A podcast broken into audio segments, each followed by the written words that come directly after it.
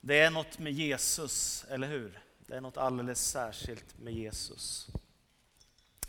Nu ligger ett nytt spännande år framför oss. 2018 har precis börjat och ett år ligger bakom 2017.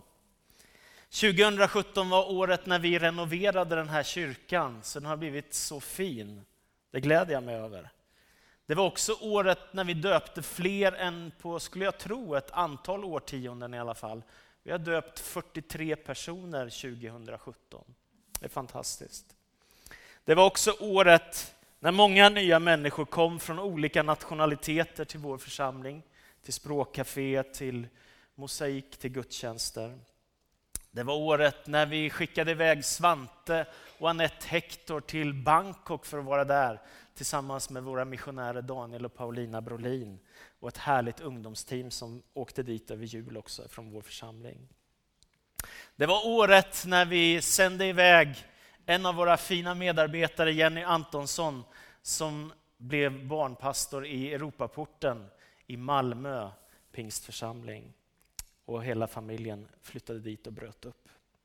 Och sen var det också året när vi inledde ett samarbete med Samuel Hector som vi gläder oss över också, med gudstjänstliv, med sång och musik. Det var året när vi hjälpte många flyktingar i Grekland i samarbete med PMU och Smyrnakyrkan i Göteborg och mycket annat kan man tänka på på det år som ligger bakom. Jag är i alla fall väldigt, väldigt tacksam för allt det som har hänt, även om jag alltid önskar mer.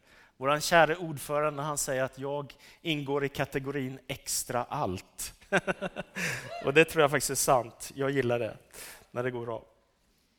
Idag ska jag försöka inleda en predikoserie som jag kallar för att fatta kloka beslut. Och idag gör jag det utifrån hela vår församling som tanke och sen de kommande söndagarna när jag predikar så kommer jag göra det utifrån vardagslivet. Hur fattar man kloka beslut? Hur många här som är här idag har någon gång fattat ett riktigt dumt beslut? Får jag se en hand? Ja, ni andra, ni ljuger tror jag. Jag tror vi alla har fattat dåliga beslut, eller hur? Någon gång i livet så blir det helt fel och man tänker inte alls att det skulle ha blivit så som det blev. Och det liv som vi lever, det enda liv som vi har fått av Gud, det innehåller mängder av beslut och det börjar redan när vi är små barn. Har du tänkt på det? När man kommer till mamma och så gråter man för att få sin vilja igenom. Så där. Redan där börjar beslutsfattandet och ibland lyckas man vinna över mamma och ibland så vinner mamma. Så där är det. Och sen blir man äldre och äldre så får man ta mer och mer ansvar själv för sina beslut. Men när du fattar beslut, vad gör du det på för grund? Alltså vilka värderingar ligger bakom dina beslut? Eh, och en väldigt viktig fråga är ju att fundera på vad som är liksom centrum, kärna i ditt liv. Vad du inte kan tänka dig att kompromissa med, vad du inte kan tänka dig att ge upp så att du inte fattar dåliga beslut och missar det som Gud har tänkt med ditt liv. Bibeln är ju full av människor, både goda exempel och dåliga exempel. Människor som valde bra och människor som valde dåligt. Ta till exempel gestalter som Mose, som fick föra sitt folk ut i frihet trots de misslyckanden han hade i sitt liv. Eller Gideon som var livrädd och hade så dåligt självförtroende och ändå får segra för Guds rikes skull. Eller tänk på Maria, den unga kvinnan som får det största uppdraget av alla att föda Messias.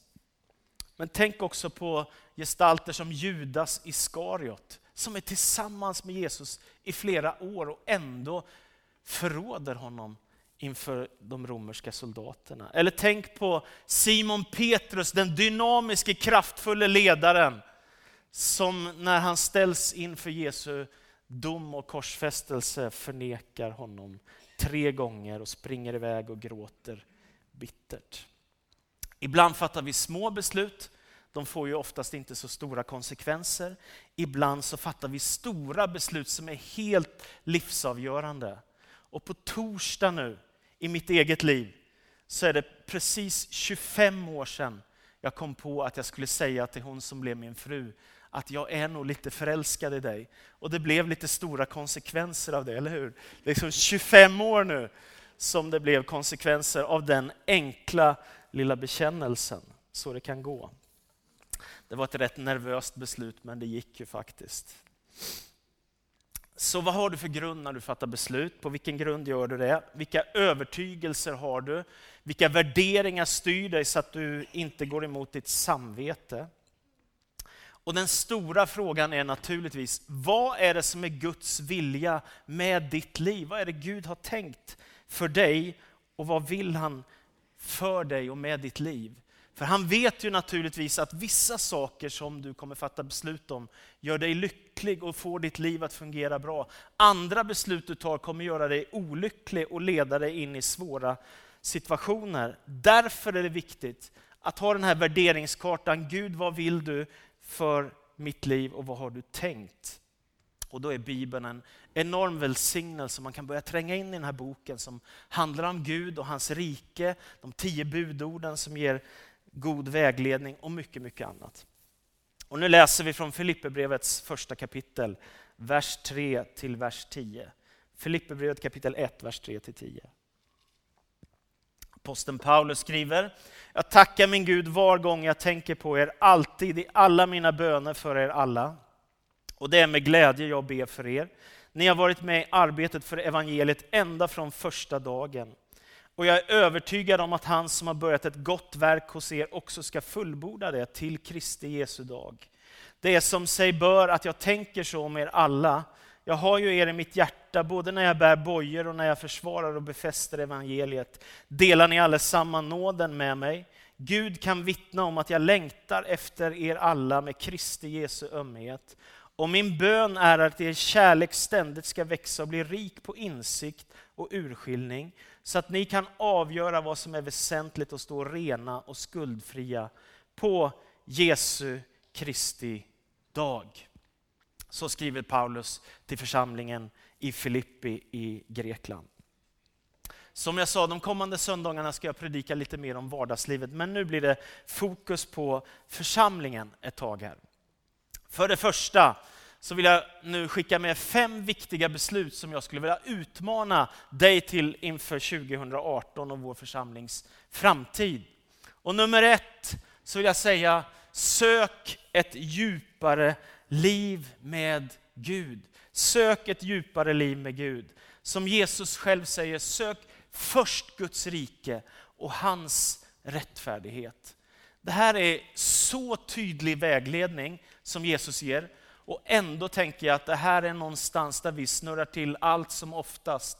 Att det blir precis tvärtom. Att vi söker allt annat och sen så kommer hans rike som ett litet tillägg på slutet ibland. Vad gör man då för att få lite ordning på detta i sitt liv? Ja, jag tänker att man behöver få lite ordning på sitt andaktsliv, sin gemenskap med Gud i vardagen. Det är rätt viktigt. Och jag har med mig några böcker som jag kan rekommendera som jag tycker har varit till välsignelse för mig. Dels eh, Billy Grahams bok som heter Hopp för var dag. En jättebra andaktsbok där du kan läsa varje dag en text, en bibeltext och en kort bön och bara stämma in i det som handlar om Guds rike.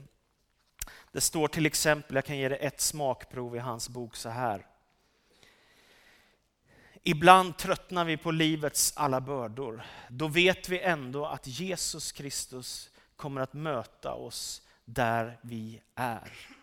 En annan jättebra bok som jag vet att flera av er också redan har, den är av Kajsa Tengblad, heter Fem minuters paus. Det är en sån bra tanke att bara några minuter varje dag, eller kanske mer tid om du har möjlighet, få bara fokusera på Gud, få läsa en andaktsbok och få ta tid med Gud.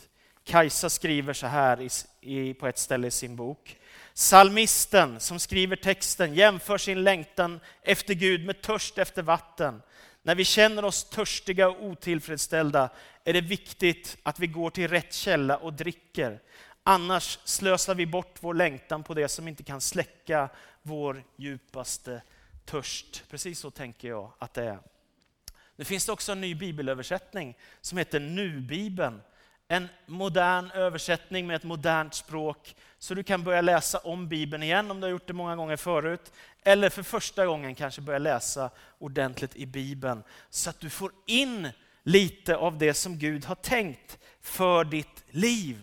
För när du lär känna de här personerna som Jesus möter och som Paulus och Petrus och Maria alla de andra möter så blir det väldigt fascinerande med Bibeln, Guds ordet. Så ta vara på det.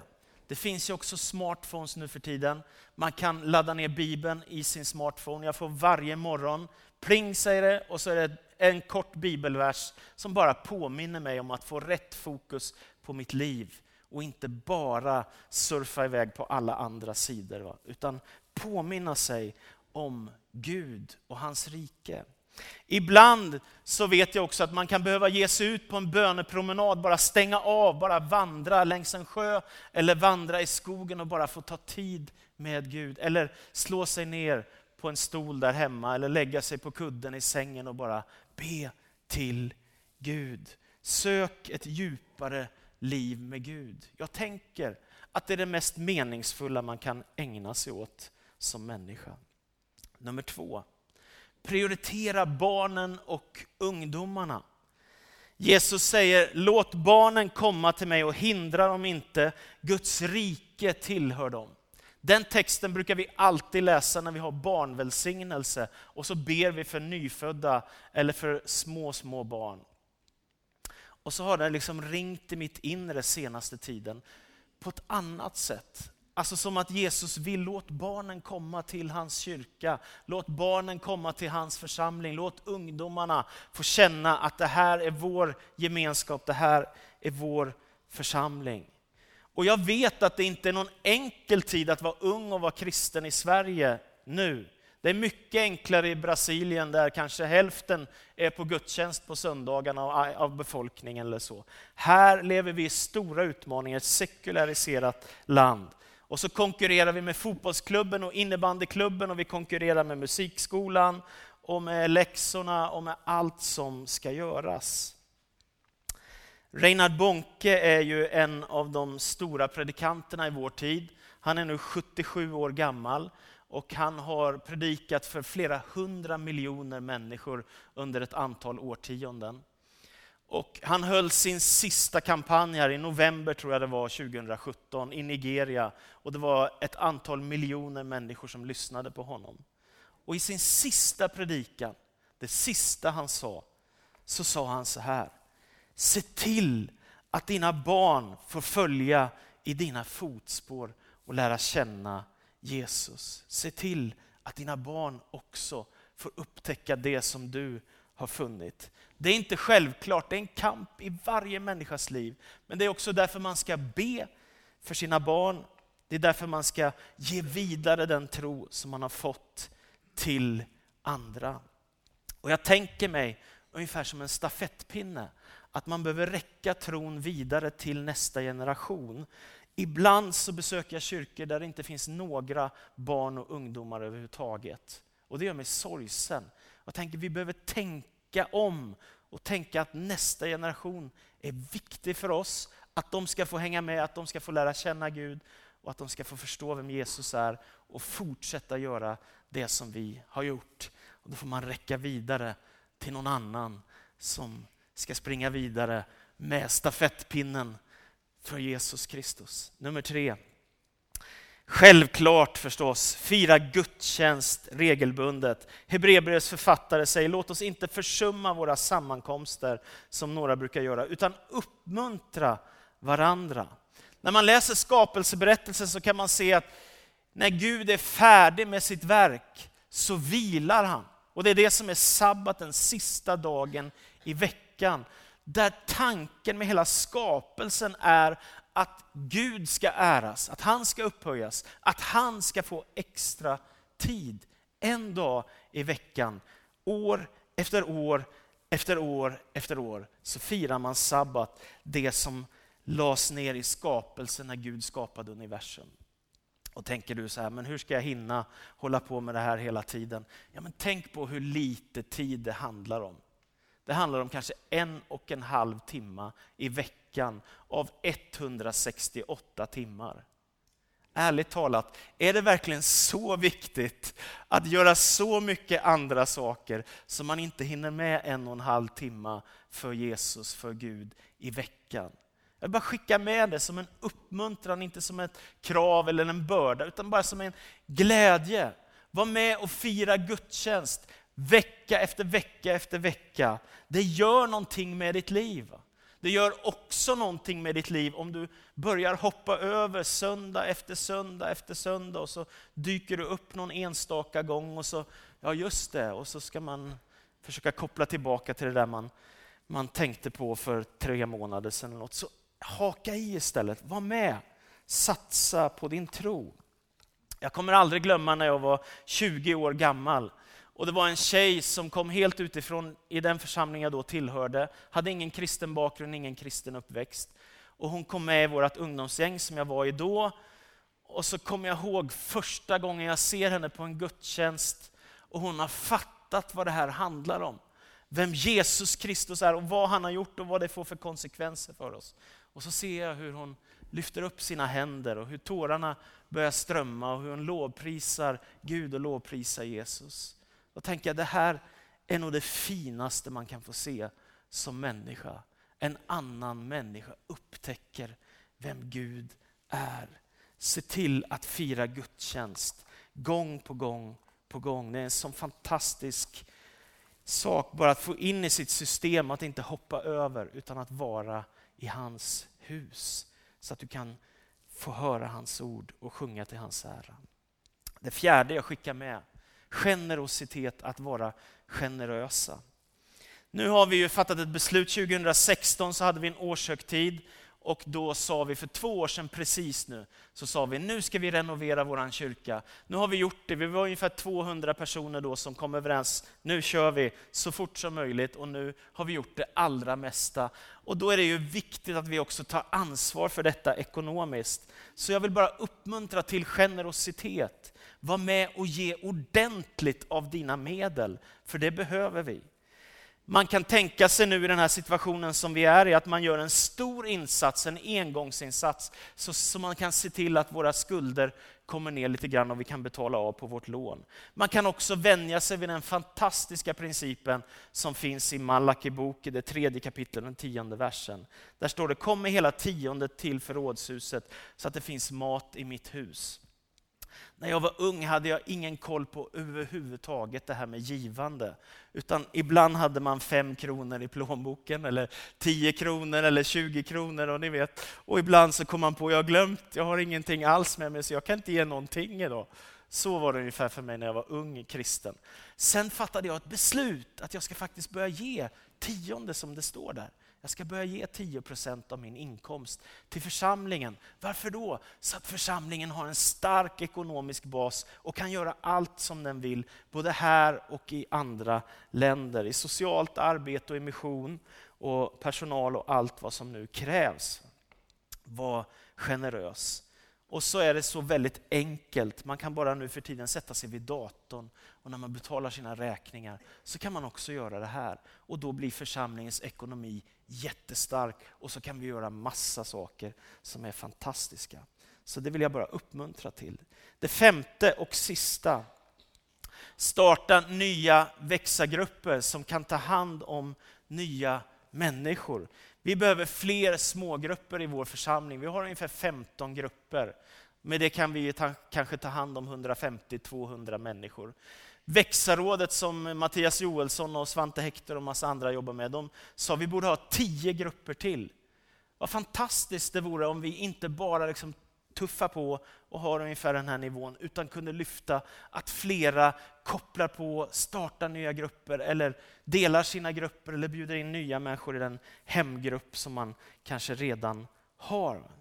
Då kan vi ta vara på många nya människor. För det som jag märker det är ju när det kommer mycket nya människor så är ju också risken att vi tappar bort en hel del människor. För man får för lite koppling, för lite vänskap, för lite gemenskap. Så därför tänker jag att detta är en av våra största utmaningar. Vi fick 50 nya medlemmar förra året, 43 av dem döpte vi. Alltså bara ta hand om alla de nya är ett stort uppdrag. Om det fortsätter så blir det ännu större. Så det är så viktigt att jobba med detta. Jag tror att Gud vill något mycket större med vår församling och vår stad. Hans planer är större än våra och därför är det viktigt att fatta beslut som är kloka och som leder till tillväxt. Så detta tror jag kan göra all skillnad i världen för att vår församling ska bli riktigt stark. Sök dig närmare Gud. Se till att prioritera nästa generation, att de får utrymme i Guds församling. Se till att fira gudstjänst regelbundet. Var generös och var med och starta växargrupper och smågrupper. Så tänker jag att Gud kan göra saker som vi inte har sett förut. Och det viktigaste av allt som avslutning, det är att följa Jesus Kristus. Det viktigaste av allt är att ta emot Jesus som Guds son och världens frälsare. Han som erbjuder frälsning till alla och han som har gjort allt för oss, som älskar oss mer än någon annan. Bibeln säger att det beslutet har evighetskonsekvenser.